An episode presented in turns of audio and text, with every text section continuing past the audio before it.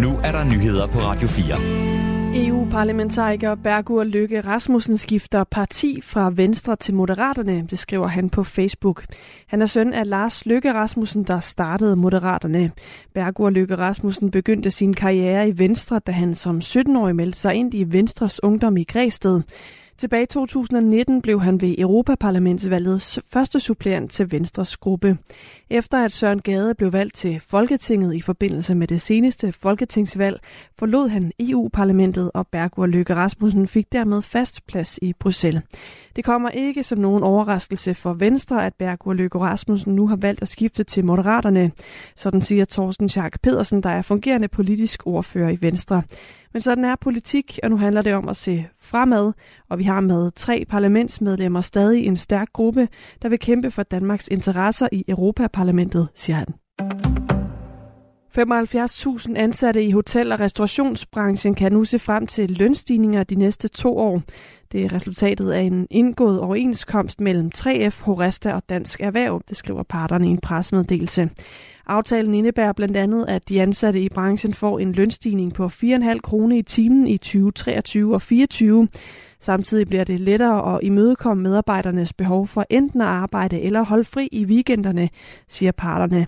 En del af aftalen handler også om, at det skal blive mere attraktivt for arbejdsgivere og medarbejdere at gennemføre efter- og videreuddannelse.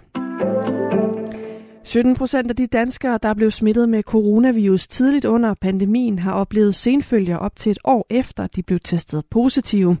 Det viser senfølgeundersøgelsen efter covid, som er lavet af Statens Serum Institut.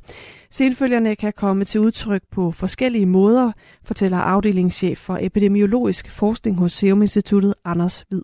Hvis vi skal tale om det, vi kan kalde de øh, fysiske symptomer, jamen, så er det jo sådan noget som øh, udmattelse, svær træthed, øh, muskelsvaghed. Det er de her smags- og lugtesandsforstyrrelser, vi har hørt så meget om os. Øh, hovedpine. Jamen, så er der også øh, nogle meget karakteristiske kognitive symptomer, som blandt andet øh, handler om søvnproblemer, koncentrationsproblemer og hukommelsesbesvær. Der er også flere ting, der har indflydelse på, om man får senfølger, viser studiet. Vi kan jo se sådan noget som vaccination betyder noget. Øh, vi kan faktisk se, har du fået tre doser, så har du færre senfølger end dem, der bare har fået to. Vi, vi kan se, at varianterne betyder noget. Altså de tidlige varianter fra starten af pandemien, og så den her delta-variant, de er forbundet med at have flere senfølger end den senere variant, omikron-varianten. Studiet peger også på, at kvinder og midaldrende oplever flere senfølger end yngre og ældre. Samtidig betyder det også noget, om man havde en kronisk sygdom, inden man blev smittet. I alt har flere end, 400, end 840.000 borgere i Danmark deltaget i undersøgelsen, og det gør den til den største af sin slags i verden.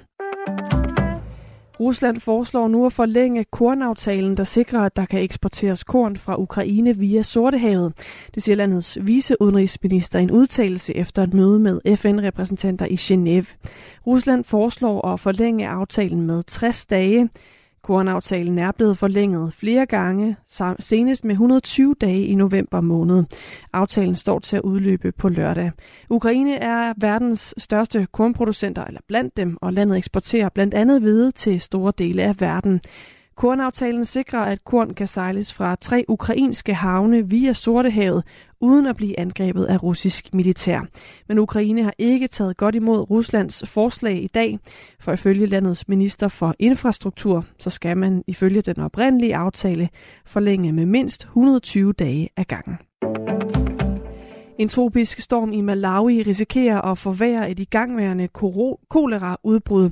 Det fortæller Eva Jordung Nicholson, der er landeschef i Malawi for Dansk Røde Kors. I øjeblikket dør folk, fordi de drukner, bliver ramt af jordskred eller fordi husene kollapser. Men hvis koleraen tager fat, og folk ikke kan blive behandlet, så kan vi komme til at se hurtigt stigende dødstal, siger hun. Den tropiske storm Freddy ramte det østafrikanske land i weekenden.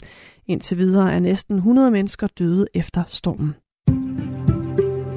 Mest skyet vejr med regn mange steder venter os i løbet af nattetimerne. Temperaturer mellem 5 og 8 grader og frisk vind til kuling fra sydvest. I morgen starter skyet med regn, men efterhånden mere opklaring og 1-5 graders varme. Det var nyhederne kl. 22 her på Radio 4 med Anne Philipsen.